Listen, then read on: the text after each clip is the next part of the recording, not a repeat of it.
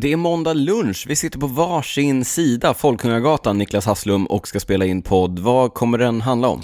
SM har körts i flera discipliner och vi har mängder med svenska mästare att nämna. Sen tävlas det för fullt nere på kontinenterna där den ena tävlingen avlöser den andra. Och sen gör faktiskt taktikskolan en comeback. Det är ni! Oj, oj, oj, fullmatat eh, avsnitt. Nu kör vi.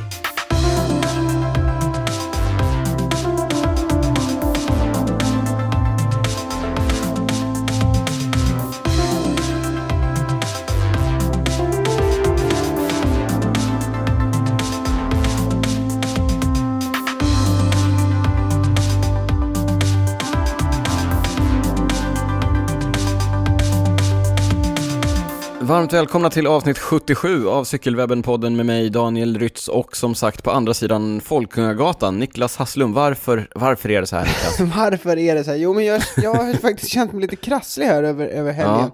Mm. Eh, och sen, Du har ju inte bekräftat Blufforona. Nej, nej inte vi- bekräftat, men däremot så väntar jag faktiskt på ett sånt här covid-test. Jag har beställt hem ett. Ja, För jag har ont i halsen, hängig, snorig, Mm. ja, krasslig. Så vi, vi får se. vi har sagt, ända från, ända från den här pandemins början har vi sagt att är det någonting vi gör här i Cykelwebben-podden, då är det att vi följer Folkhälsomyndighetens rekommendationer, Mm, så är det. vi lyssnar på Anders Tegnell och vi eh, tar det säkra för det osäkra. Därför är du inte här med mig, utan du sitter hemma och poddar på distans. Jag sitter i min sons rum och jag räddar liv. Ja. ja, det är sjukt. Det är lite tråkigt, men jag uppskattar att du gör det. Vad har hänt sen senast Niklas, förutom att du har dragit på dig en redig förkylning? Ja, man kan väl faktiskt säga att hösten har kommit. Det är väl det Ja. som, eh, som faktiskt eh, har gjort störst intryck på mig. Det blev mörkare på kvällarna, jag skulle cykla hem från jobbet här någon dag, då var det nästan så att det var mörkt när jag kom hem. Eh, Mm. Men du att kör det- fortfarande racer eller? Ja, jag kör racer. Mm. Eh, Du, eller- Vi pratade ju mycket om det i våras, när det är okej att plocka fram racen och sådär. När, är det, när ska man ställa undan racen är ju den stora frågan nu då. Ja, men för jag tycker i och för sig fortfarande att det är ganska, det är ganska behaglig temperatur än så länge. Ja, temperaturmässigt är det fint, men det jag noterade när jag var ute och cyklade häromdagen, jag körde cross igår med, med några goda vänner, det är, det är mycket löv ute på asfalten, det är lite läskigt. Ja, framförallt om det är blött. Då kan Ja. det bli, bli riktigt, eh, då kan det gå illa. Ja, det Eh. kan gömma sig olika saker under de här löven som man inte riktigt ser. Nej, jag, Vad tänkte jag du på? att... Tänkte du på något speciellt eller? Hål, stenar, det var inte, inte mer än så. Nej, Nej, okej. inga monster eller så. Nej. Fick lite den känslan. Ja, nej. nej jag, jag kan tänka mig att ställa undan racen för, eller racercyklarna för säsongen kanske. Nej, det är för Ja, tidigt för mig. För tidigt Ja, för mig. tidigt. Ja. Men sen har jag kört lite eh, cykelcross. Mhm. Och sen har jag väl kört lite mountainbike. Jag hade lite problem med mina tubdäck på, på, på crossen. De, det ena hade faktiskt börjat läcka. Det hade stått eh, lutat mot en, mot en vägg hela vintern. Så hade det blivit hål i däckväggen. Oj, Eh, riktigt trist. Ja. Framförallt också eftersom man alltid gör samma miss när, när, man liksom, när man har vissa prylar som man använder på vintern och vissa på under sommarhalvåret. Då rör man ju, eller jag gör så att jag rör ju inte de grejerna under den säsongen. Så att nu när jag skulle plocka fram de då höst och vintergrejerna, det vill säga mina tubhjul, då visade det sig att det var punka. Jag har gjort exakt samma sak på, på crossen flera gånger. Man, man plockar fram den, eller tar ner den från vinden liksom, och så ska man pumpa upp hjulen och bara nu är jag peppad på att köra cross, så ska man ut och så, så du vet så här, tar jag tre pumptag och så bara. Och så, och så blir jag också lite så här, just det! Ja, Just exakt det, det, det, det var så jag tänkte där när jag rullade hem sista Ja. gången. Jag ska skicka en note to self innan Mm. jag hänger upp eh, crosshjulen nästa gång. Ja, men än så länge bra väder och det är kul att köra på fortsatt. Däremot så har jag väl lite börjat klurat på om det är dags att börja köra lite rullar här framöver. Men Oj, oj, oj. ja, det känns, Oj, jag oj, vet oj. inte, motivationen är inte, det är inte, det är inte motivationen som talar utan det är snarare det här med att det blir mörkt på kvällarna och vill man kanske få till något träningspass efter jobbet, då är det nästan rullar Ja, det är det eller, praktiska. eller, eller lampa då. Ja. Hur är det själv då? Nej men det är, det är bra, lite samma känsla. Det känns som att eh, hösten kom ganska fort. Det känns som att eh, crossen fick eh, plockas fram ganska fort. Jag har ju slutat köra med tubhjul, tubdäck på crossen. Kör numera tubeless va? Mm. Fortfarande dock min supergamla cross från 2008 tror jag att vi har konstaterat att den är ifrån. Men den går fint, den går fint. Jag var ute och körde igår som sagt. Men räsen hänger här. Jag körde faktiskt några pass förra veckan tillsammans med poddens kompis eh, Jakob Wik och eh, poddens kompis eh, Oskar Järv, eller poddens kompis Sara Pentons pojkvän Oskar Järv. Det är det enda han får vara omnämnd Triatleten. Triatleten Oskar, men eh, de skulle ju köra SM, både Oskar och eh, Jakob, som de också gjorde i, eh, igår när vi spelade in på Tierps Arena. Vi, vi återkommer till det. Jag har faktiskt också cyklat med Sara inför, inför SM och hon Mm. körde ju också i lördags. Ja. Alltså jag har kört lite landsvägen då, har också faktiskt hunnit med årets, säsongens, höstens första Swift-race. Det gick jättedåligt. Men Ingen det, vinst där. Nej. jag tror jag kom sist i A-klass faktiskt när jag kollade resultatet, men jag körde på rullar. Ja, okej. Eh, Ja, det Det är inte ett framgångsrecept. Jag körde av en gång och så missade jag starten och nej, det var, det var, nej, det var, det var mycket med det där alltså. Du är lite rostig liksom. Lite ringrostig när det gäller rullarna. kommer igång efter, efter en sommar Efter utomhus. säsongen, Mm. exakt, komma igång med inomhussäsongen. Nej men det var ju så, jag skulle köra lite rullar, sen jag, men kör åttor, det, det är ju det jag gillar att göra. Så jag plockade fram rullarna, tänkte jag skulle köra åttor, hoppa upp och börja köra, bara, "Aj, det här är så tråkigt. Jag behöver lite motivation, drog igång Swift och så bara, ah, men det börjar ett race om två minuter, ja men det hinner jag. Och så tänkte jag så här, men då måste jag ha det här och det här, jag måste ha handduk, jag måste ha fläkt, jag måste ha musik, du vet. Oj, oj, oj, och sen så gick allt, ja, och så missade jag starten och så, ja. Jaga var- ikapp, kom ikapp, fan, attackerade. Var, ja, men det var slapstick på hög nivå där på rullarna, så körde jag av efter ett varv och så, nej, det var... Alltså IRL körde du av. Ja, ja, ja, exakt, ja, ja, IRL, jag körde av rullarna. Ja, Mm. exakt. men det gick bra ändå. Ja, Ja, nej, vi hoppas på bättring eh, framöver från egen, för, för egen del. För egen Ja. del. ja. Niklas, när vi inte sitter på våra rullar, när vi inte kör eh, racer på eh, höstlöv och så vidare, då vet våra lyssnare, känner till att de hittar oss på till exempel Instagram, Facebook, Twitter, där heter vi snabel A cykelwebben. De vet att där kan man skicka frågor till oss, önskemål till oss. Det är flera lyssnare som har gjort det. Vill man oss någonting eh, i mer traditionell form så mejla oss på info.cykelwebben.se. Niklas, du finns på Instagram, heter att Niklas Hasslum. Jag finns på Instagram, heter att drytz. Och sen så brukar vi också prata om det här med eh, Patreon. Där hittar ni oss på www.patreon.com cykelwebbenpodden och Niklas ska nu berätta varför man skulle vilja surfa in där. Ja, den stora anledningen är att man vill stötta podden. Den lite mindre anledningen, det är att man vill ha tillgång till våra bonusavsnitt. Ja, det är helt rätt, eh, helt rätt Man eh, kan, man kan rangordning. egentligen sammanfatta det så, med den ordningen.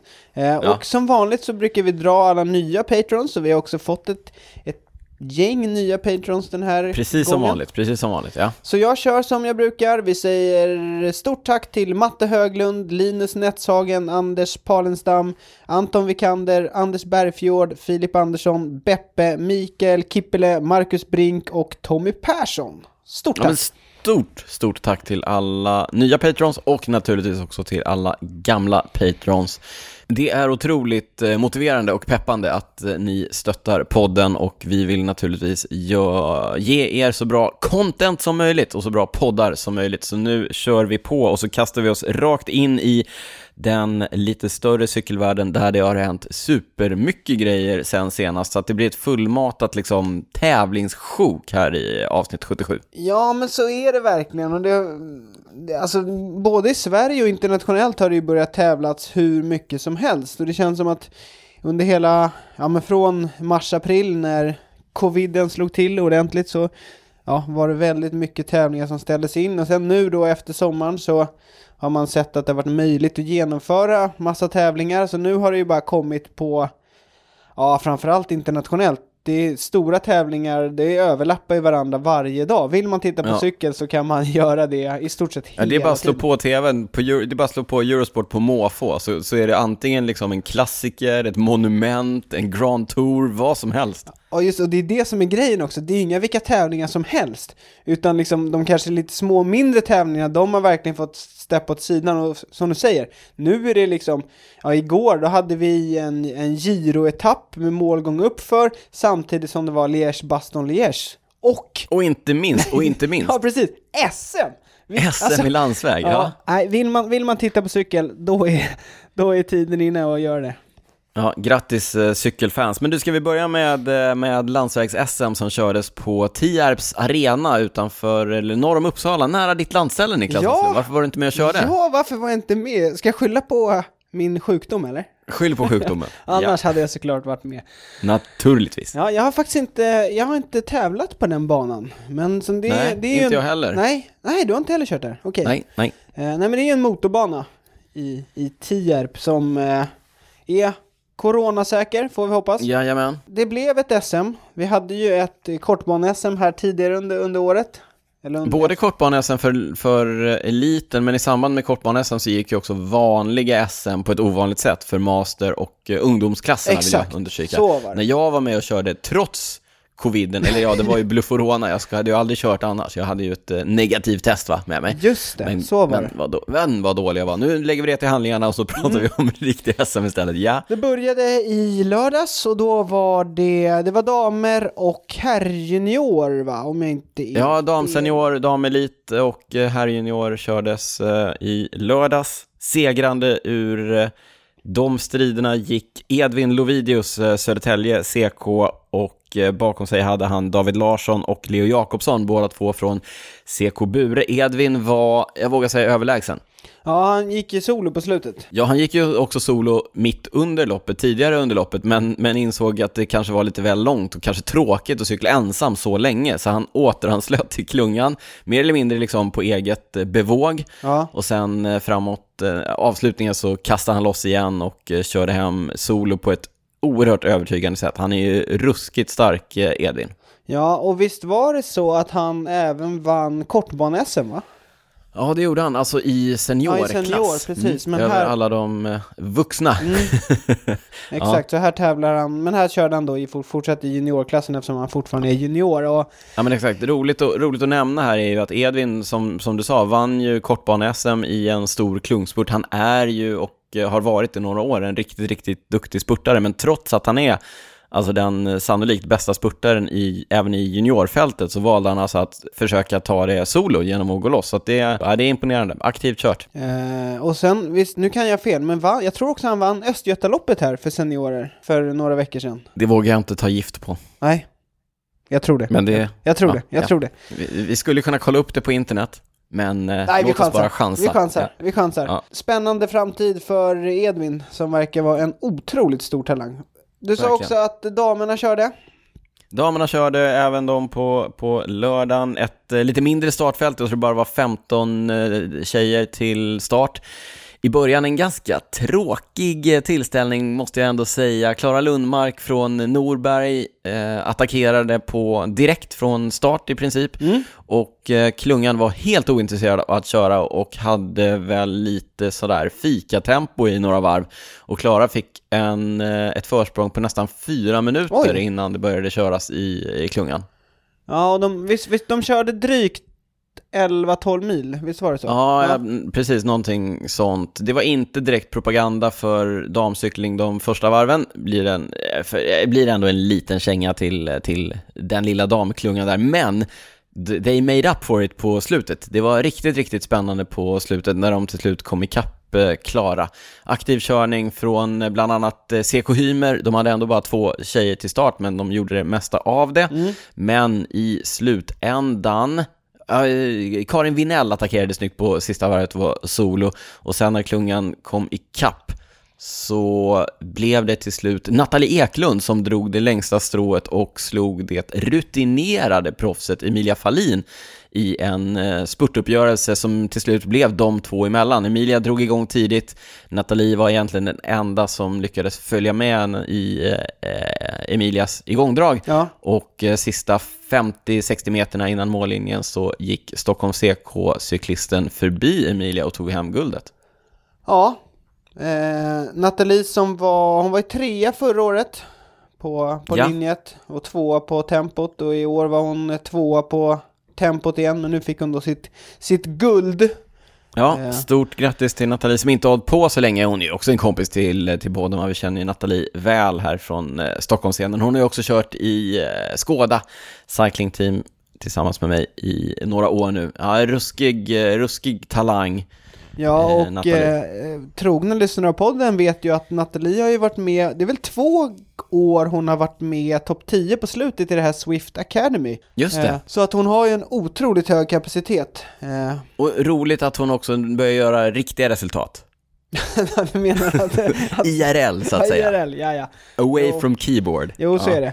Men sen ska ju sägas också, även om du nämnde det och jag har sett lite folk har skrivit lite att vad häftigt att hon är liksom så ny i sporten och så, men hon, hon har ju faktiskt kört för landslaget, hon var med i Vårgårda, var det i år Ja. eller var det förra Ja, året? förra året. Förra I år året. så har jag ju inte kört så mycket tävlingar Niklas. Nej. Jag vet inte om du känner till den här Corona. Nej, det ska sägas, absolut, och det förstår jag också, men, men hon är ju ändå, hon kör för ett lag nere i Holland också, där hon har varit nere och kört lite nu här i år, så att eh, hon har ju... Ja, nej men även där ska bli kul att följa en ung karriär och se vart den tar vägen. Absolut. Det var lite kul tycker jag också att Emilia kom till start. Hon, hon kraschade ju ur girot och gjorde illa handleden. Eh, eller handen. Ja, nyopererad. Hon hade ju bara slängt gipset bara några dagar innan SM, så att, eh, ja men som sagt, kul att hon kom till start. Sen kanske hon inte var på eh, sin allra högsta toppform, Emilia. Nej, men det visar ju också lite på vilken enorm kapacitet hon har och vilken,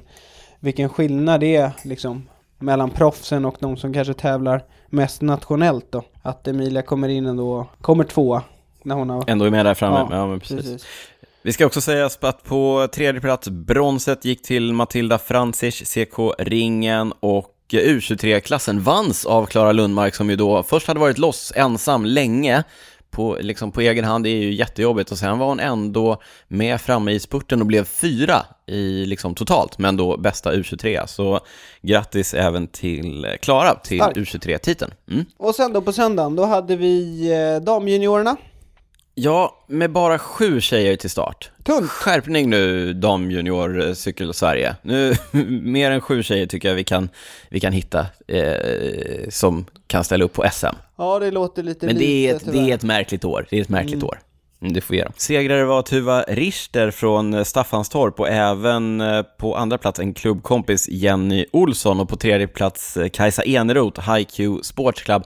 Tydligen en vurpa sista kilometern. Jag har faktiskt inte sett det själv, men eh, det kastade nog om resultatlistan lite grann. Okej, får gå tillbaka och kolla på Solid Sport! Just det, det var Där för... man faktiskt kunde följa alla SM-tävlingar. Det var ju tacksamt. Jag gav ju Uppsala en känga i samband med kortbane-SM. Ja, i, som inte gick att följa överhuvudtaget. Det tyckte jag var dåligt. Men eh, skärpning till stora SM, där gick det föredömligt att följa alla tävlingar via Solid Sport och P.O. Johanssons föredömliga eh, kommentering. ja, men hur var det? Såg man hela varvet och så också? Man såg i princip hela varvet. Ja, okej. Okej, jag, ska, jag, ska inte vara, jag ska inte vara för positiv, det är inte min roll här i livet. det är det inte.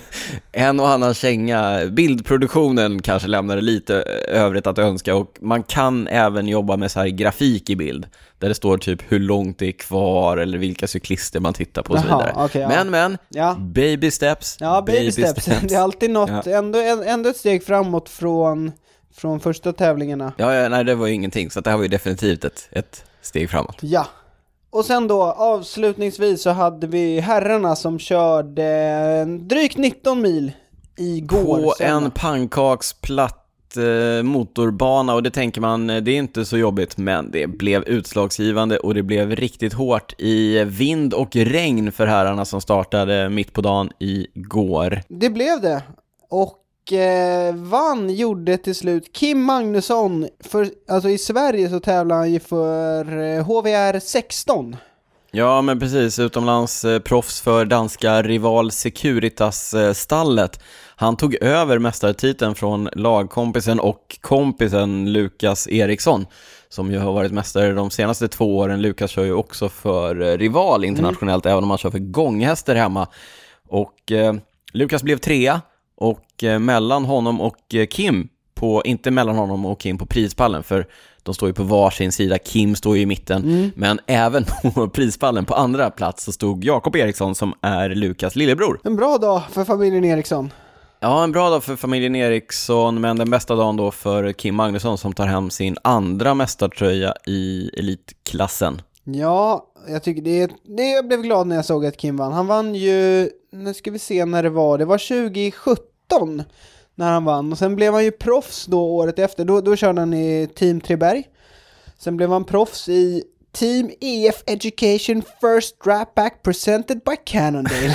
ja, de kommer vi återkomma till, det gänget. Ja, så hette de då.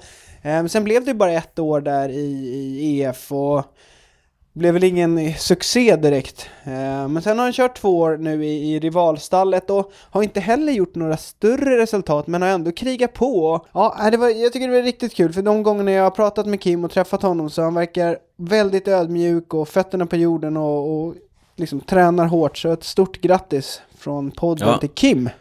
Ja, men eh, snyggt kört och aktivt kört. Eh, segern kom ur en eh, utbrytning som bildades med kanske två tredjedelar kvar av eh, loppet. De kom iväg eh, femman. Det var, det var Kim, Jakob, eh, Eriksson, det var Jakob Wik, som jag tidigare nämnde från eh, ryska posten. Det var träningen med mig som verkar ha gett ja, utdelning. Tydligen var det inte tillräckligt hårt. Nej, tydligen inte då, nej. Eh, Erik Bergström Frisk var också med i utbrytningen, eh, ja, någon till, men eh, som sagt, eh, när det blev körning framåt slutet, då var det bara Kim och eh, Jakob från utbrytningen som lyckades hålla undan mm. till slut från eh, klungan. Så att i klungspurten så var det alltså Lukas Eriksson som var snabbast. Bra dag Men, för Ja, efter 19 mil så är det tufft kört att hålla undan på det sättet. Så att eh, det är de, jag vågar säga att även om banan kanske på pappret såg, såg eh, lätt ut med pannkaksplatt och så vidare så var det nog ändå de starkaste cyklisterna som var med och körde om det på slutet. Just det, och eh, apropå det du nämnde med att det var ganska dåligt med folk i, var det damjuniorerna du nämnde? Ja. Då var det väl ändå upp mot 100 faktiskt starta. Ja, 92 anmälda 92, tror jag det var ja. i, i herrklassen. Så det känns ju väldigt kul. Mm. Det trodde jag verkligen inte att det skulle vara så många. Och nu har vi pratat länge här om eh, landsvägs-SM och vi får väl lite grann eh, titta på oss själva, vara lite självkritiska och inse att eh, vi pratar väldigt mycket landsväg. Det är lite grann för att det är därifrån vi kommer. Vi försöker däremot bredda oss och vi uppskattar när vi får hjälp av våra lyssnare att göra så. Vi har fått mejl av inte bara en lyssnare utan två lyssnare som tipsade oss om att BMX-SM gick av stapeln i Märsta förra helgen och eh, som eh, seden lär Säger man så? Mm. så? Så berättar ju vi här i podden om alla svenska mästare, så att vi tackar Patrik Stoltz och alltså, Johan... Vi måste ändå säga alla svenska mästare inom cykel.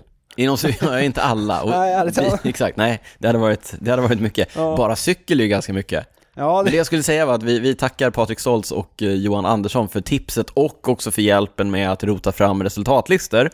Och eh, här kommer de svenska mästarna 2020 i BMX, kördes alltså i Märsta om jag inte sa det. Eh, lite olika klasser och en intressant eh, detalj här är att barnklasserna i BMX, de tävlar inte utan alla, där är alla segrare. Det tycker jag är, det är bra. ändå sympatiskt tycker jag. Men i, i veteran och liksom vuxen och juniorklasser så tävlas det. Här kommer de svenska mästarna. I cruiserklassen, damer 35 till 44 år, vann Jenny Myre Kungsbacka BMX eh, Cruiser Dam 45 plus, Ilse Nilsson Heusman, Ängelholms BMX-klubb, eh, Cruiser här 35 till 44, Lukas Lindberg Ängelholm, Cruiser här 45, Ola Lindström Kungsbacka BMX. Kungsbacka verkar vara i framkant. Ja men det verkar vara, det är några klubbar kan vi konstatera. Mm. Det, är, det, det, är rätt koncentrerat här. Flickor 12 år, Liv Givenå Ängelholm, pojkar 11, Axel Borgström. Frågetecken, vi har inte riktigt koll på klubbtillhörigheterna på, på Det är för dåligt av oss. Ja, det är Måste dåligt. ha koll på pojkar 11 i BMX, var de, vilka klubbar de kör i. pojkar 12 år, Jesper Wahlberg, Märsta. Flickor 13, Astrid Stoltz, Ängelholm. Pojkar 13, William Lindström, Malmö BMX. Pojkar 14 år, Love Sylvan, Älvsjö BMX. Lyssnare som har eh, historisk koll kanske känner igen efternamnet Love Sylvan. Hans pappa Ragge, han har ju varit en riktigt duktig downhillåkare. Vi återkommer till duktiga downhillåkare mm. i kombination med Ragge.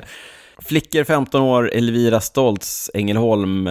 Flickor 16 år, Felicia Klingström, Älvsjö. Pojkar 15 år, Vincent Molén, Märsta. Pojkar 16 år, Benjamin Björklund, Ängelholm. Herr junior, Einar Lindberg, Märsta. Elit, herr Filip Gustafsson, Märsta och det verkar inte ha kört sådana tävlingar i damjunior och damelitklassen, så att ännu sämre upp uppslutning på BMX än på landsväg. Okej, ja se där. Och i ännu ett försök eh, ifrån Cykelwebben-poddens sida att bredda vår repertoar lite så har vi också koll på att enduro-SM har körts i Isaberg i helgen. Så eh, här kommer även de svenska mästarna i enduro, alltså det är ju en MTB-disciplin. Mm, inte Ja, det är som rally va? Det är lite som rally. Man kör specialsträckor och så transportsträckor däremellan om jag har förstått det hela rätt. Mm. Ja, här kommer de svenska mästarna i enduro 2020. Här seniorklassen Zacharias Johansen Ormsalva. Här U21 Andreas Höglund OK Hammaren. Flickor 15-16 Liv Kolling MTB Täby. Pojkar 15-16 Daniel Augustsson Göteborgs stigcyklister. Damsenior, Linn Olstam, CSK Ludvika, Master här, Johan Possman, Lenna och tillbaka då, om någon kände igen det här med Ragge Sylvan när jag nämnde hans son Love som vann BMX-SM, så var ju Johan Possman och Ragge, de var ju teamkamrater när det begav sig när de var ute och körde världscup downhill och Jaha, sånt. så Det var lite, ja det var lite nostalgi för Mm. oss som, som har varit med länge. Och så fortsätter vi liksom, det, fort, det är det vanliga här. Master Dam, Ingun Ståhl, Göteborgs stigcyklister, U21 Dam, Maret Preisiger, Hunneberg, Sport och Motion. Flickor 13-14, Ella Svegby, Saltsjöbadens CK och eh, pojkar 13-14, Dri- Didrik Westö, Åre, bergscyklister. Kul! Ja, kul. Alltså, det här är ju discipliner som vi har lite dålig koll på, men vi, vi försöker bredda oss. Vi försöker lära oss mer. Vi är, hör och häpna, långt ifrån fullärda vad gäller precis allt som har med cykel att Ja, göra. så är det faktiskt. Även om det är svårt att tro. Men ska vi röra oss tillbaka mot sånt som vi känner är lite mer hemtamt Där vi är lite mer trygga. där vi känner oss lite mer trygga Ja, och det tycker jag. jag. snacka VM. Vi börjar med VM, för det som vi sa, den tävlas ju något ohyggligt nere på kontinenten. Mm. Eh, och efter touren, som vi redan har eh, avhandlat, så kördes då VM. Till slut kördes det i Italien. Ja, skulle ha körts i, Sve- i Schweiz, ställdes in på grund av coviden. Ja, covid. Men ja. italienarna är ju snabba på att eh, på att organisera sig. Det är det de är kända för, italienare. De är välorganiserade, Ja. det händer fort. Ja, men så de fick till, de fick till både, eller de fick till ett VM på och i kring Imola-banan då, en, en racerbana. Ja. Det är mycket racerbanor nu för tiden. Ja, både i? Sverige och internationellt. Ja. Ja. Eh, däremot, något som ska nämnas här, det var ju bara elitklasserna som körde. Alltså mm, herrar och damer elit, det var inga juniorer, Precis, inga juniorer, eller U23. inga U23 och det är ganska viktigt att nämna därför att VM är en av få tävlingar på året som är ett riktigt bra skyltfönster för de här unga lovande cyklisterna att visa upp sig för proffstallen, för agenterna, för att kunna ta sig vidare ut i, i världen. Och det tror jag, alltså det är ju riktigt synd om de juniorer och framförallt kanske U23 som hade behövt ett fönster för att visa upp sig. Framförallt eftersom också många U23-tävlingar nu eh, blir inställda i år. Eh, Ja men verkligen. På grund av coviden. Men de fick en del kritik för det där UCI, men eh, nu blev det som det blev och det började som alltid med eh, tempoloppen först. Mm. Där på damsidan vann eh, Anna van der Breggen. Ja, Det såg länge ut som att det skulle bli eh, alltså att, Amerikanskt. amerikanskt, att Chloe Dygert skulle försvara sin titel. Men hon vurpade riktigt illa i en högersväng. ja. Körde över ett eh, räcke. Och, Och ut i spenaten. ut i spenaten och gjorde sig ordentligt illa.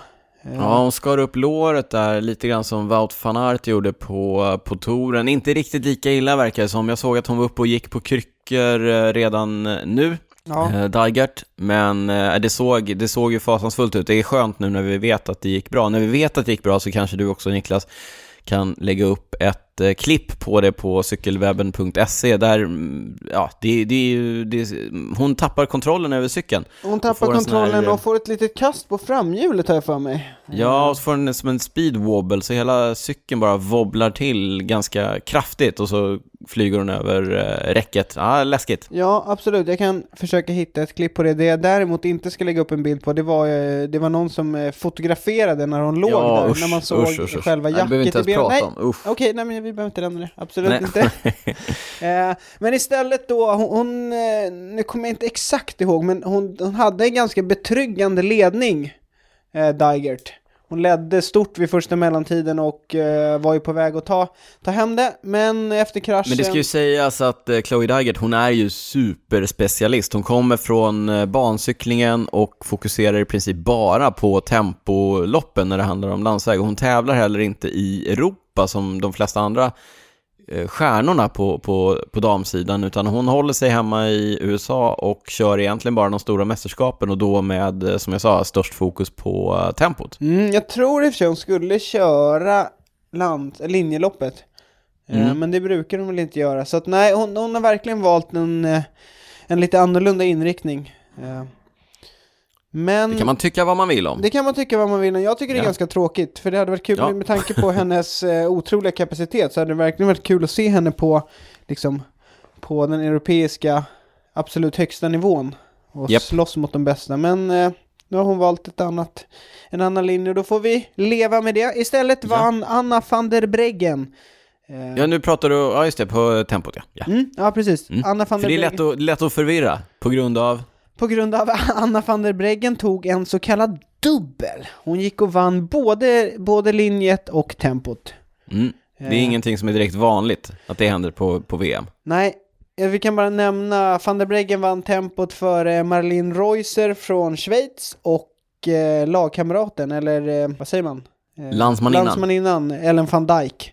Som Ja. till vardags kör i Trek. Hur såg det ut på herrsidan? På herrsidan var det också ganska, vad ska man säga? Där Ganna vurpade inte, men han ledde ju också stort redan vid första mellantiden. Det var ett ganska kort tempo ska sägas. Eh, tempoloppen brukar vara ganska långa på VM, men i och med att det var, ja, de fick dra ihop det ganska snabbt och så, så valde de ett, en lite kortare tempobana. Jag har för mig att den bara var drygt 30 kilometer. Tre mil? Mm Ja. brukar väl vara runt 50. Eh, vilket också gjorde att de bara, det fanns bara en mellantid, vilket var ganska speciellt. Eh, men på här... Du sa, sa du vem som vann? Du nämnde ett namn där. Nej, det var det jag tänkte. Jo, jag, jag nämnde hans namn i förbifarten här. Men vann... Spoiler! ja, precis. Vann gjorde Filippo Ganna från Italien som till vardags kör i Team Ineos. Han visade Mm. redan kanonform på Tirreno Adriatico.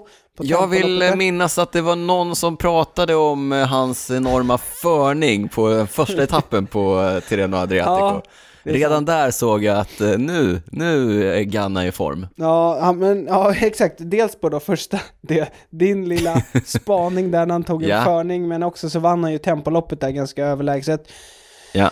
Han Ja, vann, det, kan- du menar att det var en större indikator på formen att han tog en stark förning sista det kilometern? går väl att diskutera. Det går att ja, diskutera. ja, ja. Eh, Filippo Ganna snittade 52,9 på den... På VM. På, På VM, VM, ja. på den något ändå kuperade banan, för på slutet så var det ändå lite, lite stigning uppåt. Eh, han vann för eh, Wout van Aert, som vi, som vi har snackat riktigt mycket om senaste tiden. ja. Eh, 26 sekunder före Wout van Aert och på tredje plats Stefan Kyng, som till skillnad från Wout van Aert hade en lite annorlunda uppladdning. Han lämnade ju touren. Efter, Just det, för att bara sikta på Precis, för att VM-tempot. helt eh, lägga fokus på det. Ja, Medan Wout van Aert försökte vinna klungspurter i touren. Ja, Och var, och var typ hjälpryttare mesta, i de höga bergen i touren. mm. Ja men lite så. Han, han satte det på det Vi mesta. skrattar och pratar mycket om Wout van Aert därför att han är, han är mångsidig på ett sätt som vi nästan aldrig har sett tidigare. Nej, det var väldigt länge sedan vi såg någon eh, på den, Med den nivån och med, med det liksom, den repertoaren att kunna vara bra både uppför och på platten. En eh, intressant eh, grej, Rowan Dennis som eh, har vunnit de två senaste åren, han Ja. var bara femma. Och vem var fyra? Det var Geraint Thomas, så att Mm, Team Ineos hade då tre, man topp fem. tre topp fem. Ja. Mm.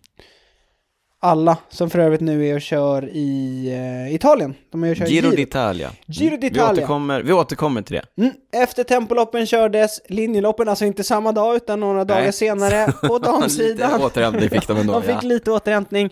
På, på damsidan så vann Anna van der Breggen före landsmaninnan Annemiek van Vleuten och italienskan Elisa Longo Borghini. Det var ju Ja. faktiskt eh, Annemiek van Vleuten som också kom till start med gipsad hand. Ja, inte, ja precis. Ja, för hon var också med i den här kraschen som vi nämnde tidigare med Emilia. Så Just det. eh, Annemiek van Vleuten satte upp tempot i den hårdaste av backarna och Anna van der Breggen attackerade och gick solo och det var väl drygt med 30 kilometer kvar. Om jag inte missminner mig. Men hon körde solo ganska länge i alla fall.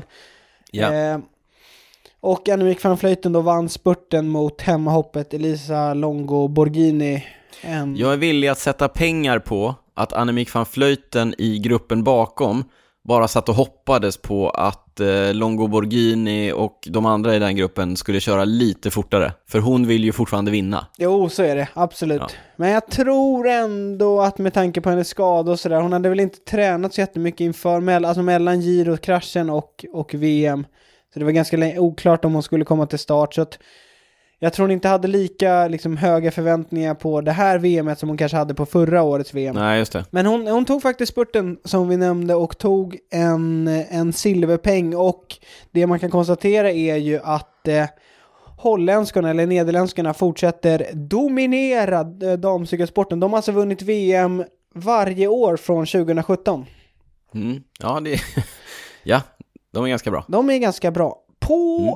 Ska vi flytta över till här sidan? Låt oss. Det var då det sista loppet på VM där till slut vanns det av Julian Alaphilippe Ja, från Frankrike. being alla Filip. Ja. Ja, han attackerade på samma ställe som Anna van der Breggen gjorde. Ja, Eh, men på sista varvet. På sista varvet, exakt. Och höll undan för en jagande grupp som innehöll Wout van Aert, Mark Hirschi, Michal Kwiatkowski, Jakob Fuglsang och Primoz Roglic. Vi återkommer till den gruppen lite senare här i taktikskolan. Ja, väldigt intressant därför att det låter ju som en ruskigt stark grupp Niklas. Det är ju märkligt att de inte kom ikapp Ja. eh, en ensam Julian Alaphilippe. Ja, Är det någonting du tänker att vi kommer förklara i jag tänker taktikskolan? det. Jag tänker Mm. det, Daniel.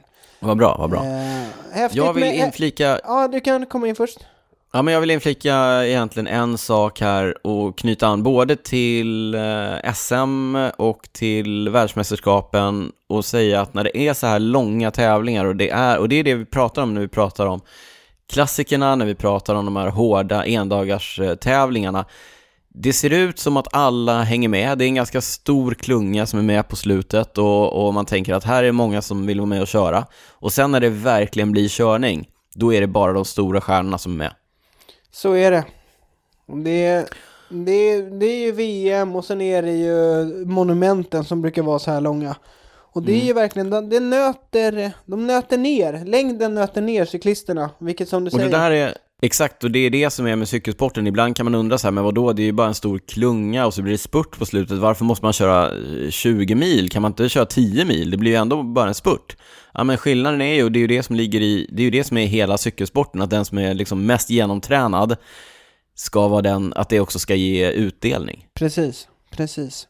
Mm. Men väldigt speciellt. En, en av de som inte kunde gå med när det började köras ordentligt, det var ju eh, Tom Pidcock, engelsmannen som Han var jag... en av många. Jag, ja, men jag har ju alltid ett gott öga för, för Tom Pidcock. Han är ju superung, har precis skrivit på för Ineos Grenadiers inför eh, nästa år. Han satt med väldigt, väldigt bra. Jag var imponerad över hur bra han faktiskt satt med. Satt högt upp hela tiden. Nu hade han god hjälp av Luke Rowe, men som sagt när det började köras på så hade han liksom inte krutet i benen, hade inte riktigt distansen. Men eh, bara en liten parentes, det har ju körts två världscuper i mountainbike nu i helgen som, som var. Och gissa vem som vann U23-klassen båda eh, tävlingarna Niklas? Det gjorde Tom Pidcock. Det gjorde Tom Pidcock. Det är hyfsat eh, mångsidig eh, ung man det där. Verkligen, och han är ju regerande silvermedaljör på eh, cykelcross-VM för herrar Mm. elit också. Elit. Men Ja. en, en väldigt intressant grej som jag tycker är värd att ta med sig när man pratar om Tom Pidcock, det var att jag hörde en intervju från eh, då Storbritanniens lag och de trodde ju inte heller att Tom Pidcock skulle kunna gå med på slutet. De visste, Nej. att, de visste att distansen var för lång. Men tillsammans då med Tom och eh, Luke Rowe så tog de beslutet att så här, Men vi tränar på hur det är att vara stjärna. Vi tränar Mm. på att så här, vi ska ligga topp 10 som du sa. Vi ska, vi ska Ja. se till att han ligger topp 10 och så ska vi liksom ta oss an hela tävlingen som att han är en av de stora favoriterna bara för att Just det. träna på det inför framtida tävlingar. Så när han har distansen så vet han hur det där är. Precis. Där kan man snacka om att se och lära du. Mm. Istället Ja, men för verkligen. som Istället åker för dit bara- för att se och lära och åker av efter, efter Jo men precis, han skulle mil, egentligen liksom. kunna satt sig längst bak och bara säga jag åker med så länge det går, men istället så då så gjorde de på det här sättet och det är förmodligen liksom ovärderlig erfarenhet inför Ja, framtiden. verkligen. En annan sak som måste understrykas där, det är hur fruktansvärt bra Luke Rowe är. Han är åkstark. åkstark och Ja, positionssäker. men åstark, placeringssäker och gör liksom väldigt, väldigt sällan resultat för sig själv, men, men en sån här insats, om man förstår hur svårt det är att vara där han var på ett VM-lopp, då förstår man vilket värde en hjälpryttare som Luke Rowe har för sina kaptener. Ja, vad tänker du om Julian Alaphilippe som världsmästare? Ja, du tänkte att vi ska prata om han som vann tävlingen och inte han som blev 43, 42, Precis. nej. Ja, nej, fantastisk världsmästare. Han har ju redan, vi kommer återkomma till det, men han har ju redan gjort världsmästartröjan, eh, vad ska man säga, han har redan visat upp sig ordentligt i, i världsmästartröjan. Man brukar ju annars prata om att det finns en förbannelse som vilar över världsmästartröjan, att man blir världsmästare och sen så under året som man har tröjan så gör man inga resultat, men det tror jag inte vi behöver vara oroliga för när det handlar om Julian Alaphilippe. Nej, han nämnde också här innan att han hade använt eh, touren som ett träningsblock inför Mm. VM. Ganska skön, skön approach. Skön approach, exakt.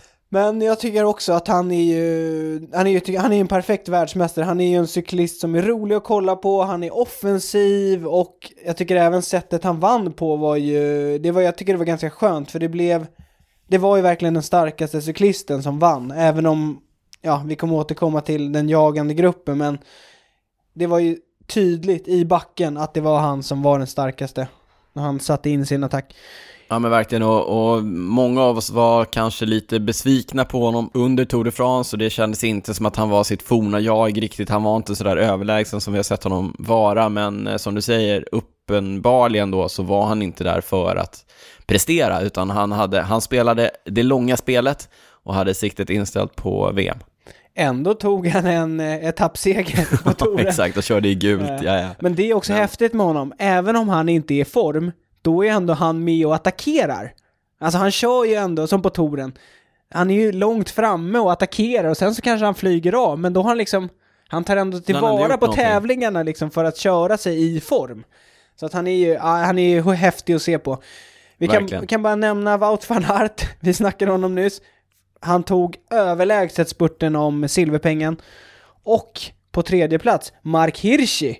Vilken superstjärna han har blivit här de senaste dagarna. Ska vi ta Mark Hirschi som övergång till Flesh Wallon som kördes nu i veckan? Den vallonska pilen, en av eh, semiklassikerna på endagarsprogrammet. Ja, och bara för att nämna lite kort om Mark Hirschi, han vann ju U23-VM 2018 och sen har han väl eh, visat lite, lite liksom indikationer på att han kommer bli en väldigt duktig cyklist, men det var ju framförallt nu under touren han fick sitt stora genombrott när han tog en etappseger.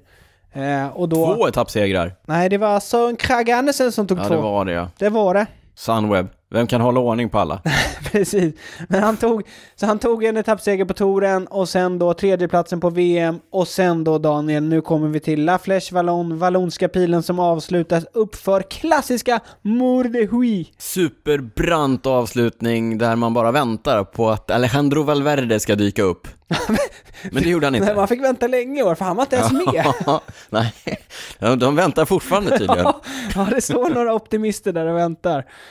Ja, nej men eh, den, den eh, tävlingen är ju... I och för sig, de senaste åren tycker jag ändå att det blir mer och mer att det blir körning innan. I år var det ju, på här sidan var det ju en, en, en, en ny kille i... eh, Ung belgare, van Sevenant. Det roliga var att jag kom, men lyssna nu, jag kom in i sändningen och så, så bara såg jag så här, van Sevenant är loss. Jag bara, kör han fortfarande? Det är nämligen så att, vad hette han i förnamn? Eh, Mauri va? Mauri van Sevenant, Va- Mauris pappa Wim är ju också gammal proffscyklist. Han har kommit sist i touren några gånger, det är hans claim to fame. Men jag tänkte, kör han fortfarande? Och kör Nico? Nej, det var konstigt. Sen insåg jag att, nej det är, det är grabben va? Det är hans grabb. Han- Ja, så gammal är jag. Ja, Ja, han var loss, eh, han, körde, han var ju med i utbrytningen och sen körde loss, eller liksom gick loss därifrån och såg länge ut att hålla undan ganska länge, men sen vurpade ut för. Kraschade spektakulärt ut, för, ut i spenaten, kom upp på vägen och hade Kom fortfarande lucka. Och höll fortfarande i sin lucka, blev ikappkörd av eh, Rigoberto Urán, men Ja, de blev båda inhämtade klungan. precis innan klungan. Och sen blev det den här klassiska avslutningen på Murdui, eh, där Mark Hirschi såg, han såg faktiskt ut att ha full kontroll hela tiden och vann ganska komfortabelt för eh, Benoit Cosnefroy som eh, länge hade bergatröjan i touren och Michael Woods trea. Rolig sak här, eh, både VM, både Flash Vallon eh, och Liège Bastogne Liège som vi återkommer till konstaterandet att the big hitters från Tour de France är de som kör om de här tävlingarna nu och det är ju superkul att se. Ja, och det verkar ju tydligt att just som du säger, har man kört touren, det verkar ha varit ett riktigt bra block inför de här tävlingarna. så att, eh, men ibland kan det ju vara så att, man, att de som har kört touren är supertrötta liksom. Eh, Men så verkar det inte. Det kanske har att göra med hur liksom tävlingssäsongen har sett ut nu, att det inte har varit några tävlingar nästan inför touren. Eh, Så som du säger, det är verkligen de som, de som körde bra på touren, kör bra på klassikerna nu. På damsidan, På damsidan, för vilken gång i ordningen? sjätte, Sjätte gången i ordningen! Sjätte gången på raken vann Anna van der Breggen La Flèche Ja. Wallon. ja, Eh, vi säger- oerhört imponerande. Ja, och Utmanades av eh, Demi Follering och eh, Cecilia Utrup Ludvig. Eh, kanske mer än vad jag trodde att hon skulle göra, men hon hade ju full koll på det där, eh, Anna. Ja, och hon, alltså hon satt ju sig redan i spets tidigt i backen. Sittande, bara trampade. Ja, ja, hon bara körde. Ja, hon Ja, det var- trampade så ja. lätt och sen hade hon ändå, de sista hundra meterna hade hon, liksom, då ställde hon sig upp, slog till igen och då var det ju inget snack. Så äh, hur imponerande som helst. Sex gånger i rad, det säger någonting. Hon verkar vara bra på så här korta, branta backar. Hyfsat. Ja. Mm. Sedan kördes eh, i veckan eh, Liège Bastogne Liège, eller som jag brukar kalla den, Löjk Bastenacken Löjk. Mm. Det är den äldsta av eh, klassikerna och eh, både här och eh, damtävling numera, en damtävling, det är ju så kul att vi faktiskt kan titta på damtävlingarna. Jag vet inte om de sänder den på Eurosport, jag kollade på den på GCNs eh, race-app. Okej, ja. Jag kollade faktiskt både Flash Vallon och eh, Liège Bastogne Liège eh, damerna. Jättekul att faktiskt kunna följa damtävlingarna lite närmare och lite bättre nu för tiden. Och eh, på damsidan i Liège vann Lizzie Deignan, Just eh, det. brittiskan som har haft en riktigt fin eh, säsong nu när den har dragit igång igen efter coviden. Det stämmer bra, hon körde bra på VM, hon var fyra på La Flèche Vallon och nu då som du säger vann hon Liège Baston Liège, så hon verkar ha prickat formen. Ja men verkligen, gick solo med eh, tre mil kvar till mål och höll undan på ett imponerande sätt. På här sidan var det ingen som gick solo utan där blev det en spurt i en lite mindre grupp. Vill du berätta lite grann om den eh, spurten Niklas? Ja men bara, jag kan också bara nämna hur, liksom, hur det såg ut. Eh, Julian Alaphilippe gjorde sin första tävling i världsmästartröjan, attackerade, fick med sig eh, Mark Hirschi, Primoz Roglic, Tadej Pogacar och eh, Mikael Kwiatkowski som senare fick släppa. De här... Sa jag något, sa jag något om det här med att eh, the big hitters från touren är de som kör om det? Ja, men verkligen så. Och eh, de här fyra, de var jagade, de jagades av en ganska stor grupp, men till slut stod det klart att de skulle göra upp om det. Julian Alaphilippe tog stort ansvar såg det ut som. Och så kom de in på målrakan där eh, Matej Mohoric har gått ifrån den jagande gruppen. Men värt att nämna, Matej Mohoric är ju eh, slovenen som inte uppfann det här, men han var ja, men, en av de absolut första som gjorde den här eh, utförsåkningen på överröret, när man sitter ner och trampar på överröret. Han är ju fruktansvärt snabb ut för Mohoric, så han har alltså åkt ifrån den jagande gruppen ut för att lyckas gå ikapp tätgruppen på egen hand. Ja, eller han kommer ju, liksom han jagar ju tätgruppen och kommer ikapp med, vad kan det varit, 350-400 meter kvar. Eh, men är ju, man ser ju att han är ju så rökt så att han, han tänker bara att jag går upp och jag försöker attackera men han har ju inget krut så att det blir ju snarare att han drar igång spurten. Eh, alla Filip hakar på med de andra på hjul Och sen med en drygt 250-200 meter kvar så drar Alaphilippe igång spurten med Mark Hirschi på hjul. Men då ser man att när Mark Hirschi drar igång och är på väg om, då tittar Alaphilippe lite vänster och ser nu kommer Hirschi och då liksom driftar han ut till vänster vilket gör att Ja, det var inte diskret heller. nej, Det var inte lite. Nej, men det, nej han, han lämnar ju verkligen sin linje och liksom hoppar över i Hirschis spurtlinje, vilket gör att Hirschi får typ väja lite och det ser ut som att han faktiskt klickar ur vänsterskon. Pedalen, ja. Ja. Eh, och helt tappar fart. Eh, Alla Filip fortsätter och Även Pogacar bakom tappar ju fart, så han, han sitter ju på Hirschis hjul. Exakt, det gör han. Och han, ja, han, precis, han tappar ju också all, all fart. Den enda som inte tappar fart är Roglic som är ganska sen att dra igång, men han går på högersidan. Alla Filip fortsätter spurta och ser ut att vinna för att han, det är ingen som är nära, så att han liksom slutar trampa, sträcker upp händerna i luften. Men då på högersidan så kommer Primoz Roglic och, Boop. och faktiskt går om. Ja, skicka fram, fram i hjulet. Och, ja. eh, och det var ju liksom, jag tror att det behövdes ju målfoto för det tog ju lång tid innan liksom det kom så här, vem, vem är det som har vunnit? Även om känslan var att Roglic var lite längre fram. Men sen visade det sig i efterhand att det hade inte behövts målfoto därför att när kommissarierna tittade på det där så bestämde de sig för att relegera alla Filip till sista plats i gruppen. Så han blev ju femma istället för, för tvåa alla Filip. Men Roglic var alltså regelrätt förbi honom ändå. Ja, Däremot så tror ju jag att om inte alla Filip hade avvikit från sin linje på det sättet så hade Mark Hirschi vunnit eh, Liège-Bastogne. och fattar du vilka, alltså hur sur hade man varit när man var Mark Hirschi? Ja, men jag tror att även om vi som publik älskar alla Filip, på samma sätt som vi som publik älskar Peter Sagan, så tror jag inte att de är så superpopulära i klungan, den typen av cyklister, därför att det de gör och som vi kanske gillar, att de är lite att de är spektakulära och så vidare. Jag tror inte alltid att det uppskattas av, sina, av deras eh, medtävlare, mottävlare. Så kan det nog vara. Eh, och om vi återgår till själva re eh, relegeringen så, så tror jag att det blev, ett, det blev ett lite lättare beslut för juryn när alla Filip faktiskt inte vann. Alltså det, det kändes lättare att säga okej du kom tvåa, ja nu relegerar vi dig till femte plats. Två eller femma spelar ju ingen roll för alla Nej, Filip. nej lite så. Eh, så istället blev det då Roglic före Hirschi och Pogacar. Eh, men jag håller med, eh, alla Filippi är ju, han är ju vinglig, han är ju, han är ju överallt på något sätt. Han, ja, han håller ju på och, men det, det såg vi också de sista kilometrarna och, men även lite innan. Han, han, alla hans rörelser på cykeln blir så drastiska på något sätt. Han liksom, och ska han svänga lite höger, då kastar han sig till höger och flera gånger ser det ut som att han är på väg att fälla sina, sina liksom medtävlare och jag kan Ja men verkligen, och, och som, ja. jag brukar säga, och som jag brukar säga Niklas, takes one to know one. Det försöker indikera här att jag är vinglig, men om jag är vinglig, då är det ingenting mot... Och vet ni inte, vet ni inte vad jag pratar om så rekommenderar jag att gå in på cykelwebbens eh, Instagram och kolla på våra reels. Då kan man se hur Niklas cyklar. Nej, så farligt är det inte. Nej, det är här, men, men bara om vi ska vara lite allvarliga. Jag kan ju vara ganska vinglig när jag sitter och liksom trycker på. Ja, Men alla Filip, det jag kan känna med honom är, han är ganska vinglig liksom. Om han, om han ligger och drar och sen ska, ska han slå åt höger, då kastar han sig ut åt höger liksom fem verkligen. meter och sen kastar han sig in igen. Det blir liksom, allt blir så hårt på något sätt. ja det, är inte så, det är inte så fluid, så Nej, att säga.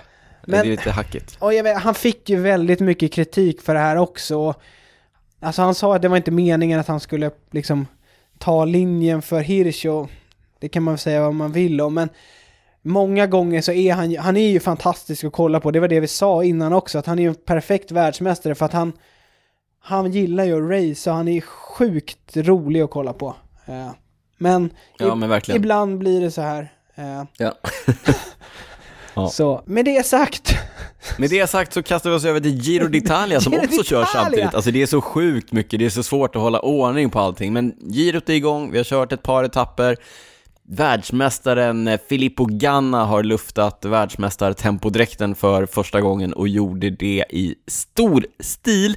Vann första tempoetappen med ett snitt på 58,8 kilometer i timmen, Niklas Hasslum. 58,831. Jag tror han missade, det finns ett rekord Mm. som eh, någon belgare har. Jag tror att det är Rick Verbruggen. Eh, Han har Mm. det snabbaste tempoloppet någonsin. Och jag tror att Ganna var en sekund ifrån att ta det rekordet. Som man mäter då i, i snitthastighet. Så det är väl 58,8 lite mer då. Ja.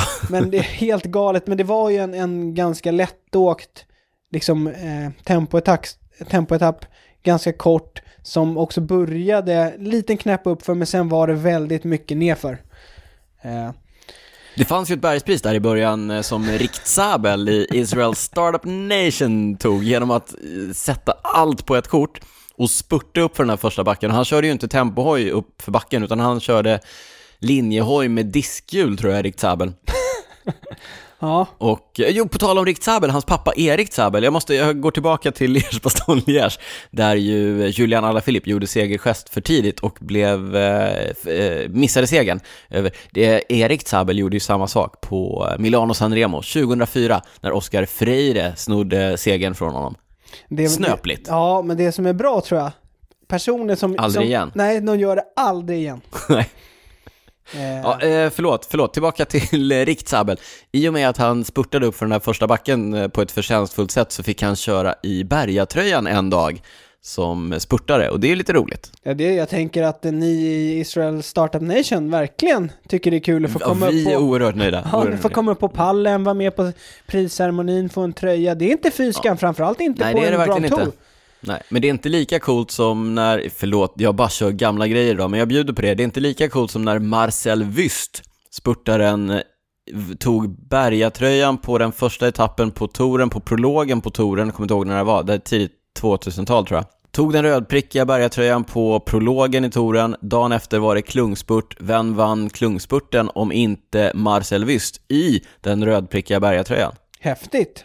Det är ändå lite coolt. Ja, och en, och en spurtare i en bergatröja, det är inte ofta man ser det. Nej, du vet, de har inte ens den storleken. De var tvungna att sy upp en specialare. Ja, om vi ska se... Girot, Ganna vann, vann Ganna första vann, etappen. det man kan nämna var ju att det blev ganska, det blåste mycket, vilket gjorde att det blev stora tidsavstånd redan på första etappen mellan de stora favoriterna. Men eh, jag tänker vi ska inte gå in för mycket på girot, det är, det är långt, vi kommer liksom ha, vi kommer kunna återkomma till det och mycket kommer att avgöras sista, sista veckan. Idag är det till exempel en, en målgång uppför på Etna, den fortfarande aktiva vulkanen. Får hoppas Sjukt. att den inte Hoppas får... att den inte är aktiv idag. Nej, nej, verkligen inte. Verkligen inte. Så jag tänker att vi återkommer till det. Och Mm. med det sagt kanske hoppar in i eh, prylsvepet. Ja, jag har skrivit annat här emellan eh, girot och prylsvepet och bara jätte, jättekort. eh, I veckan så slogs ett nytt eh, Everesting-rekord. Det har vi pratat mycket om i coronatider. Men efter det så står det bara “Vem bryr sig?” Ja, och, så, och så går vi vidare. Precis, om man är faktiskt intresserad så får man googla sig fram. ja, Ja, det känns, eh, det känns så, gjort. så gjort. Nog om det. Mm. Vi, vi dyker in i, i prylsvepet i stället. Niklas, eh, de senaste veckorna har det ju fullkomligt eh, trillat in effektmätare här på redaktionen och som vi testar. Verkligen, det är så mycket effektsiffror som skickas mellan oss nu så att det, man blir snurrig. Man blir snurrig. Jag tänkte bara kort, vi ska ju inte gå igenom eh, här i detalj vad vi har gjort, men vi har ju testat effektmätare från eh, Quark, som numera ägs av SRAM. Vi har testat en kinesisk wattmätare som heter Sigeji, nykomling på marknaden. Vi har testat italienska pedaler från Favero och en polsk vevarm från Inpeak. Och vi återkommer till allt det här framöver, men eh, bara jättekort så vill jag eh, berätta lite grann om hur vi faktiskt testar. I och med att de mäter på lite olika ställen de här så går det ju faktiskt ibland att kombinera dem och främst då kanske med eh, pedalerna. Så att pedalerna som vi har ifrån eh, Favero, Asioma heter de, de använder vi lite grann som benchmark så att vi kan jämföra de andra med eh, mellan varandra och eh, så vidare. Och när vi har de siffrorna så lägger vi dem eh, på varandra för att helt enkelt se om de visar, eh, om de olika mätarna visar samma siffror när man eh, trycker sina eh, watt. Mm, precis Och det så. kan vi konstatera att det gör de inte. det, skiljer, det skiljer ju alltid lite grann. Och det som slår mig är att de flesta mätarna verkar vara konsekventa mot sig själva, det vill säga att de visar alltid samma siffror. Så att en watt på samma mätare är i princip alltid en watt på den mätaren, men mellan olika mätare så skiljer det ganska mycket. Mm. Vilket ju blir väldigt intressant när man då börjar prata om man ska jämföra wattsiffror med andra eller man ska köra Swift mot andra och så vidare. Och det jag har konstaterat de första veckorna när vi har gjort de här testerna och varit ganska ingående i de här testerna, det är att det är fruktansvärt inexakt att tävla baserat på olika wattmätare, Mm. eller effektmätare. Så är det. Och det, Så är det. det är då vi kan konstatera är att när du kör Swift så har du en Ja. effektmätare som visar väldigt låga siffror. Exakt, exakt. Väldigt. Det är egentligen därför jag gör det här testet, Ja. för att hitta den wattmätaren som visar högst siffror, Mm. för att sen använda den när jag då kör eh, på Swift. Ja. Men Ja, jag tycker att, vi, eh, vi, vi lämnar det där och testerna fortsätter och det kommer mer ingående reviews här framöver. men det gör det, och precis. Eh, Men intressanta siffror och en intressant, eh, inte en upptäckt, jag har ju vetat att det är så här, men det är rätt kul att få det svart på vitt. Ja. Vi går vidare. Men Niklas, den eh, stora prylnyheten den här veckan måste ju ändå sägas vara Campagnolos 13-delade gravelgrupp E-car. More is more. More is alltid more. Det är det. Medans, ja, medans Shimano står och stampar med 11-delat på sina landsvägs och gravelgrupper så two-uppar italienarna Campagnolo och dem med en 13-delad grupp. Vad säger du om det? Jag vet inte. Alltså, ja, det känns som att de behöver göra något. Ja, men jag tycker, att, jag tycker ändå att det är rätt kul att, att just Kampa lyckas få fram en sån här grupp som faktiskt är något nytt och som Okej, man kan prata om, om att det här med, jag tycker så här att fler växlar på landsväg nu är overkill. Ja, ja, absolut. Därför att, därför att kör du två klingor fram och du har 11 bak, eller 11 som Shimano har då, 12 som SRAM och Kampa har, det räcker gott och väl, både i omfång och i täthet som vi, som vi brukar prata om. Däremot på, på gravel och mountainbike, när fler och fler går över till att köra singelklinga fram, då vill du ha både range, alltså omfång, lättaste växeln ska vara lätt-lätt, tyngsta växeln ska vara tung-tung, men du vill också ha en någorlunda tätt mellan växlarna så att det inte blir de här stora hacken när man växlar från en växel till en annan och det blir tufft på få växlar. Mm, ja, men så är det, absolut. Och det här, vi sa, du sa att det var en, en gravelgrupp. Ja, det sa Ja. jag. Så med, med 13 eh, växlar så får du ju då dels eh, en lätt, lätt växel och en tung, tung växel, men också tätare genom hela registret. Och det som Kampa har gjort som jag tycker är ganska intressant, det är eh, två saker. Dels så har de gjort den minsta drevet bak jätte, jättelitet, hela vägen ner till 9 Oj! där det minsta tidigare har varit eh, 10 på, på de 12-delade grupperna. Det är det ena. Det andra är att man har valt att göra stegen mellan de lättare växlarna större och stegen mellan de tunga växlarna mindre. Därför att när du ändå är uppe på de lätta växlarna, då är du inte lika känslig för skillnad i kadens som du är när du går på tunga växlar och ligger och kör fort liksom. Ja, det är sant. Det är sant, det är smart. Så det, det är faktiskt, eh, det är smart tänkt. Däremot det här med nio tänder på den minsta Kas ja, kassetten bak ja. Ja, på minsta kuggen bak. Det är jag oerhört tveksam till ur eh, liksom friktionsperspektiv. Och sen är det ju också mellan, om du har 9 som minsta och 10 som näst minsta, det är ganska stor skillnad de två emellan. ja. Det har jag pratat om eh, tidigare när vi har pratat om eh, SRAMs accessgrupper. Jag är, inte ett, eh, jag är inte helt övertygad om den idén. Det finns eh, tre olika kassetter, eh, 936, 942 och 1044. Det finns klingor mellan 38 och 44, det är alltså bara en one-by-grupp, alltså den går bara att köra som eh, singelklinga. En annan riktigt bra grej är att den kräver en ny body på, på bakhjulet därför att en eh, 9 Just den här ska nio tänders, På, ja. den får inte plats. Nej. Så att bodyn är kortare. Däremot så har de varit smarta nog att skicka med en, en adapter som gör att bodyn är bakåtkompatibel. Så att på, en, eh, på den här 13-delade bodyn så kan du ändå köra ner till, jag tror, 8-delade Kampa-kassetter. Jaha. Mm. Det är smart. Riktigt bra. Mycket, mycket bra. Ja. Eh, inte testat. Eh, Kampa har ju riktigt dålig distribution i Sverige. Så att eh, jag vågar inte ens hålla tummarna för att det ska dyka upp en grupp som vi kan eh, testa löst. Det skulle vara om den dyker upp på en färdigbyggd cykel någonstans. Vi håller eh, ögonen öppna. Det gör vi. En annan eh, gravel-grej innan vi hoppar ut ur eh, prylsvepet. Eh, vi har ju pratat, när vi har pratat mountainbike och pratat däck, så pratar vi om såna här inserts, skum, skumgrejer som man har i... Badleksak. Badleksaker som man har i mellan fälg och däck för att undvika genomslag, för att skydda fälgen, för att göra det ännu mer punkteringssäkert och så vidare. Jag har fått hem en uppsättning Cush Course som är en dylik insert som jag tänker testa på min eh, gravelhoj framöver för att faktiskt kunna veta lite mer vad jag pratar om när vi snackar om sådana här eh, inserts. Det ska Mm. bli mycket, mycket spännande och jag ber att få återkomma i ärendet eh, framöver. Ja, det ska bli spännande att höra. Också på gravel. Brukar man köra på Ja. gravel? Jag tror men det jag var vet mest att- mountainbike. Ja, men mest mountainbike, där är det lite hårdare, men det sägs då eh, även ha fördelar på gravel. Man kan köra med ännu lägre däckstryck, därför att inserten stabiliserar däcket lite mer i sidled och så vidare. Ja, jag är... Ja, det ska bli är väldigt inte- du är spännande inte att höra. helt nej, Nej, övertygad? inte helt Nej. övertygad. Men eh, Vi bra, får se. bra att få någon som är så insatt och kritisk till saker och ting som testar som du, Daniel. Ja, ja, ja. Innan vi går vidare från eh, prylsvepet till taktikskolan, Niklas, så fick jag ett eh, pressutskick ifrån eh, Canyon undertecknat Niklas Hasslum. Det var jag. Det, det var du, Det du var skickade faktiskt ett, jag. Ja, men jag får inte säga någonting om det, därför att du, du sa att det var embargo fram till tisdag 18.00 va? Och vi släpper ju tisdag 06.30. Ja. Så att en hel dag hade vi brutit embargot med om vi hade sagt någonting. Så vi säger ingenting. Nej, vi säger ingenting och jag vill faktiskt behålla mitt jobb. Så jag Mm. vågade faktiskt inte bry- Jag hade planer på att vi skulle bryta embargot. Men sen, sen kom det några, några tillrättavisande mejl här Mm. de senaste sista dagarna. Där det var, Ja, stod tydligt att embargot ska inte brytas.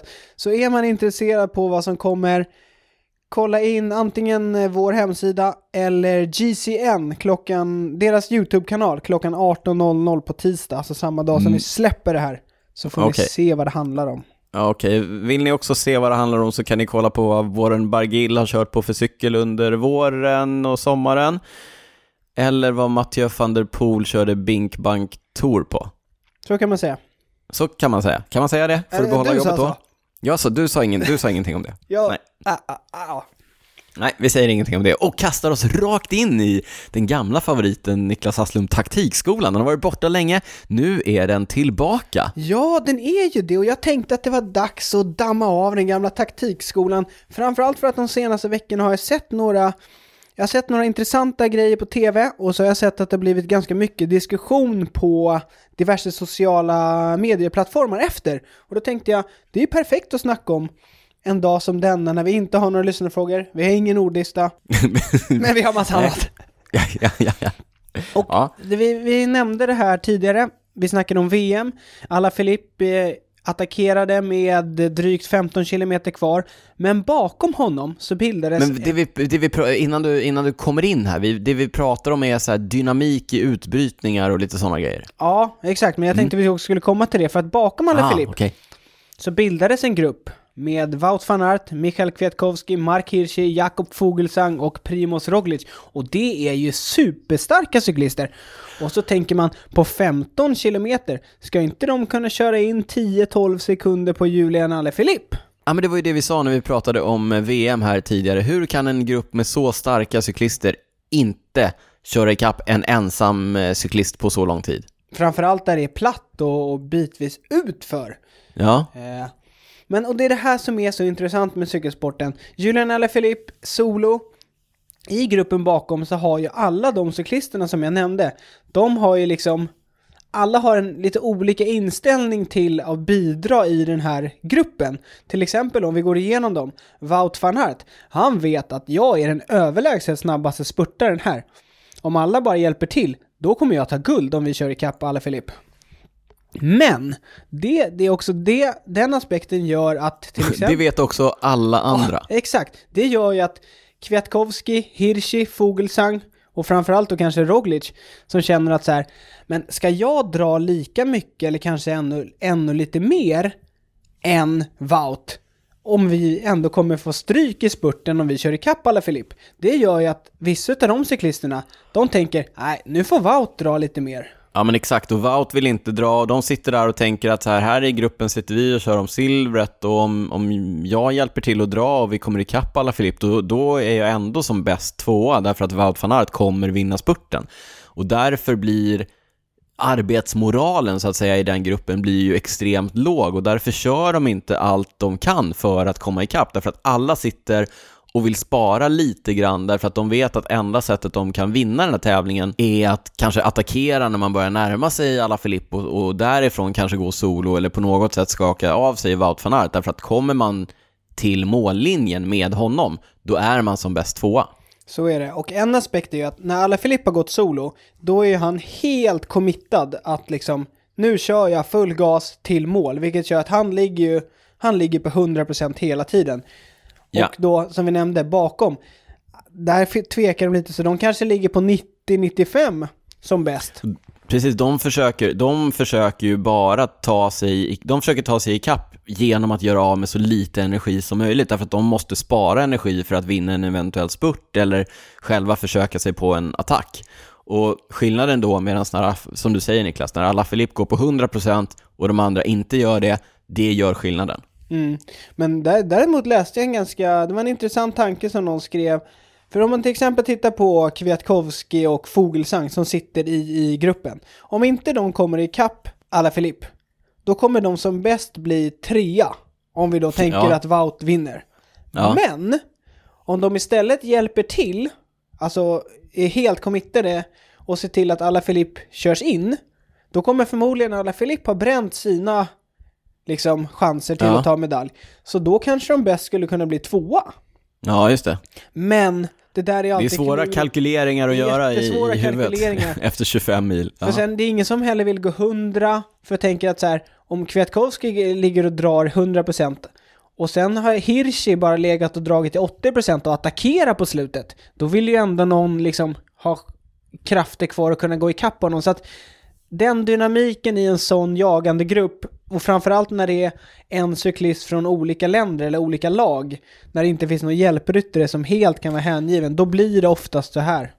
Det hade ju ändrat, det, det, som hade kunnat ändra dynamiken hade ju varit om någon hade med sig en hjälpryttare, alltså om det fanns minst två cyklister från ett och samma land i gruppen bakom, därför att då hade ju någon fått offra sig för den andra.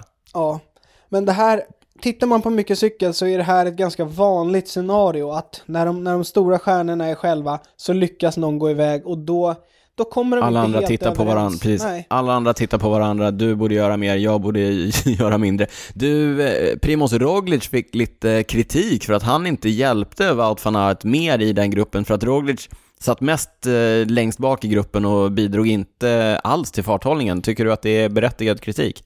Kritiken kommer framförallt från Belgien. Skrällen då ja. Verkligen skräll.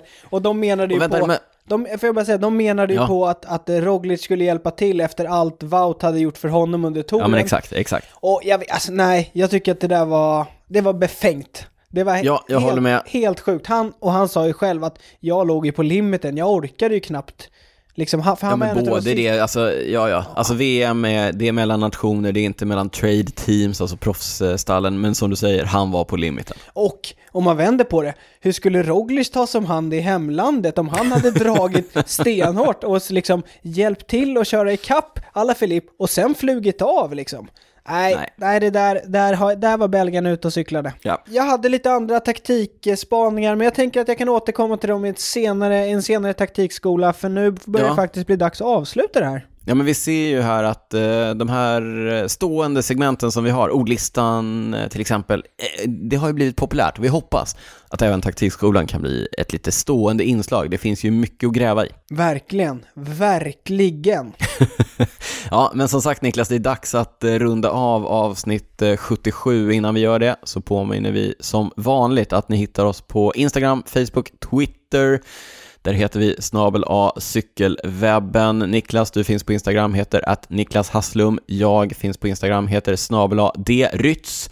Gå gärna in på, v- säga www, det var länge sedan, patreon.com cykelwebben-podden och läs där hur ni kan stötta podden till att bli ännu lite bättre och samtidigt få tillgång till våra bonusavsnitt. Då flikar jag in där och berättar att vårt senaste bonusavsnitt handlade om eh, däck och slang. Eller utan slang, Eller utan slang. eller inte slang. Eh, det var många som hört av sig och har, har gillat det så att kan vara ett tips.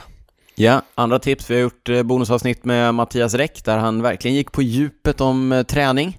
Mm. Vad har vi gjort mer för spännande bonus? Vi har snackat om cykelkepsar i ett bonusavsnitt. Ja, det finns mycket. Ja, det är spännande. det är många, många, många, många säger, många säger också att, det är, att de är ännu bättre. Bonusavsnitten är ännu bättre än de ordinarie. Ja, det är värt Ja. att kolla in. Värt, att kolla upp tycker jag. Värt att kolla upp. Niklas, eh, innan vi rundar av på riktigt så brukar vi fråga varandra vad vi inte har kunnat släppa. Låt oss göra så även den här gången. Vad har du inte kunnat släppa? Jag har inte riktigt kunnat släppa dels det här med att det är så mycket tävlingar nu. Och i alla de tävlingarna vi nämnde, det är ju, man kan kolla på cykel hela tiden. Men en tävling vi faktiskt inte nämnde var Bink Bank Tour som kördes i Belgien. Bingo Bongo Tour. Bingo Ja. Bongo Bango Tour.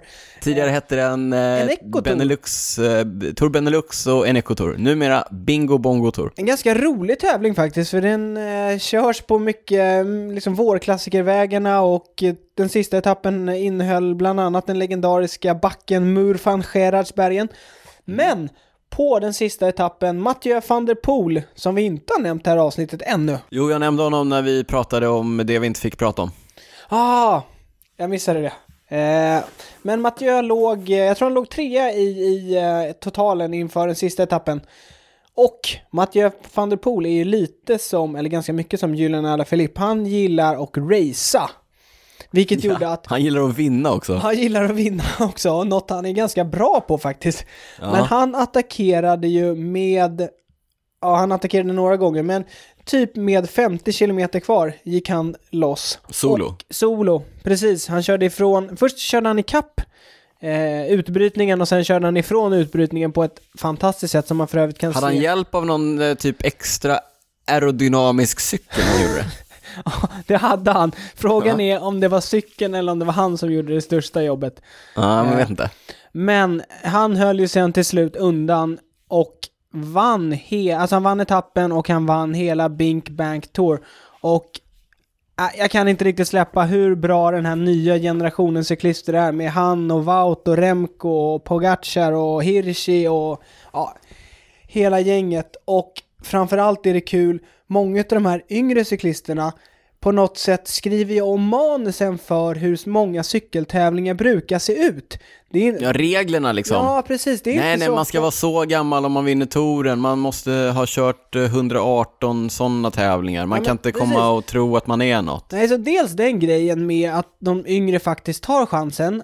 Och det kan man diskutera varför, liksom, hur det kommer sig. Men också som eh, Remco har gjort några gånger och Mathieu gör det nu. Att de attackerar liksom, de väntar inte till sista backen utan de bara kör. De öppnar upp tävlingen tidigt. Och det jag tycker det är så häftigt när det funkar. Och det är liksom, det, ja, det ändrar ju helt dynamiken på de här tävlingarna och det gör det så roligt att kolla på. Så det ska bli väldigt kul att följa Mathieu här under, nu får vi se höstklassikerna.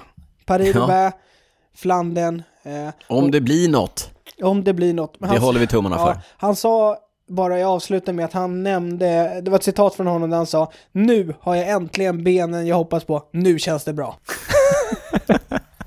Det var testet. Jag testar att attackera här Jag testar att attackera med 50 kilometer kvar och så går så. Ja, jag hade benen. Det var tur. Ja, det var tur. Ja. Vad har du inte kunnat släppa? EF, Education Firsts tävlingskit som de kör med på Giro d'Italia. En snackis i cykelvärlden. Ja, det får man ändå kalla det. det. EF har ju en tröja som eh, är mest rosa i, i annat fall och om jag har förstått det rätt så fick de inte köra med den på girot därför att den kunde förväxlas med ledartröjan. Men var det Så verkligen då- så? För de har ju kört Jag vet inte om det var tröja så. förra året. Ja, jag, jag vet inte om det var så, men jag vet att Onse-stallet, när det begav sig, Onse, du vet, de som kör upp sådana här Giant-hojar som jag har en likadan. De hade ju gula tröjor, de körde med rosa tröjor på touren. Sjukt snyggt kit. Men nu EF, eh, jag vet inte om det var en ursäkt eller om de bara vill göra någonting special special för girot. I ett samarbete med det eh, klassiska skatemärket Palace har de tagit fram ett kit som bäst kan beskrivas som att det typ inte går att beskrivas. Spretigt! Vi lägger ut, eh, spretigt, lägger ut bilder på det på cykelwebben.se. De jobbar ju, jag vet inte om du nämner det, men de jobbar ju, de har ju Raffa som eh, klädsponsor. Precis. Och Raffa Så det är ganska brukar out vara there. öppna. Mm. Ja men verkligen, sjukt out there. Häftigt Och- att de lyckades hålla det hemligt. Ja, det dök upp överallt samtidigt några dagar innan girot och det är några grejer som, är, som jag tycker är lite extra roliga i det här och så här genomarbetat. Dels så, de har ju POC som hjälmsponsor och så har de en anka på bröstet på en anka som inte riktigt är Kalle Anka men som är som en piratkopierad Kalle Anka på, på bröstet på tröjan. Och då har de gjort tempohjälmarna så att de också är som en anka så att det är näbben som är bak till liksom. Niklas, du får lägga ut bilder på Absolut. cykelwebben.se på det här. Också intressant att notera att de kör med eh, POCs gamla Temporhjälm, ni vet eh, den som de utvecklade tillsammans med Gustav Larsson inför eh, Peking-OS va? Ja, eller var det London? Något av OSen. Något av OSen var det i alla Något fall. av OSen. Den har ju varit out of production ganska länge, men nu verkar de ha dragit igång de gamla maskinerna igen för en av världens snabbaste tempohjälmar. Ja, det är spännande.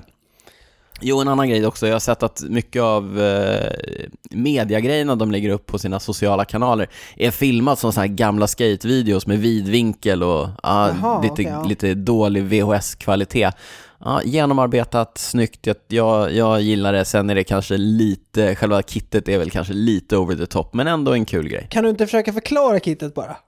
Nej, det, vad sa jag? Det är så här, det är, vad sa vi, kalanka på, på bröstet och sen Pallas-loggan på ryggen som är en snodd scientolog-logga.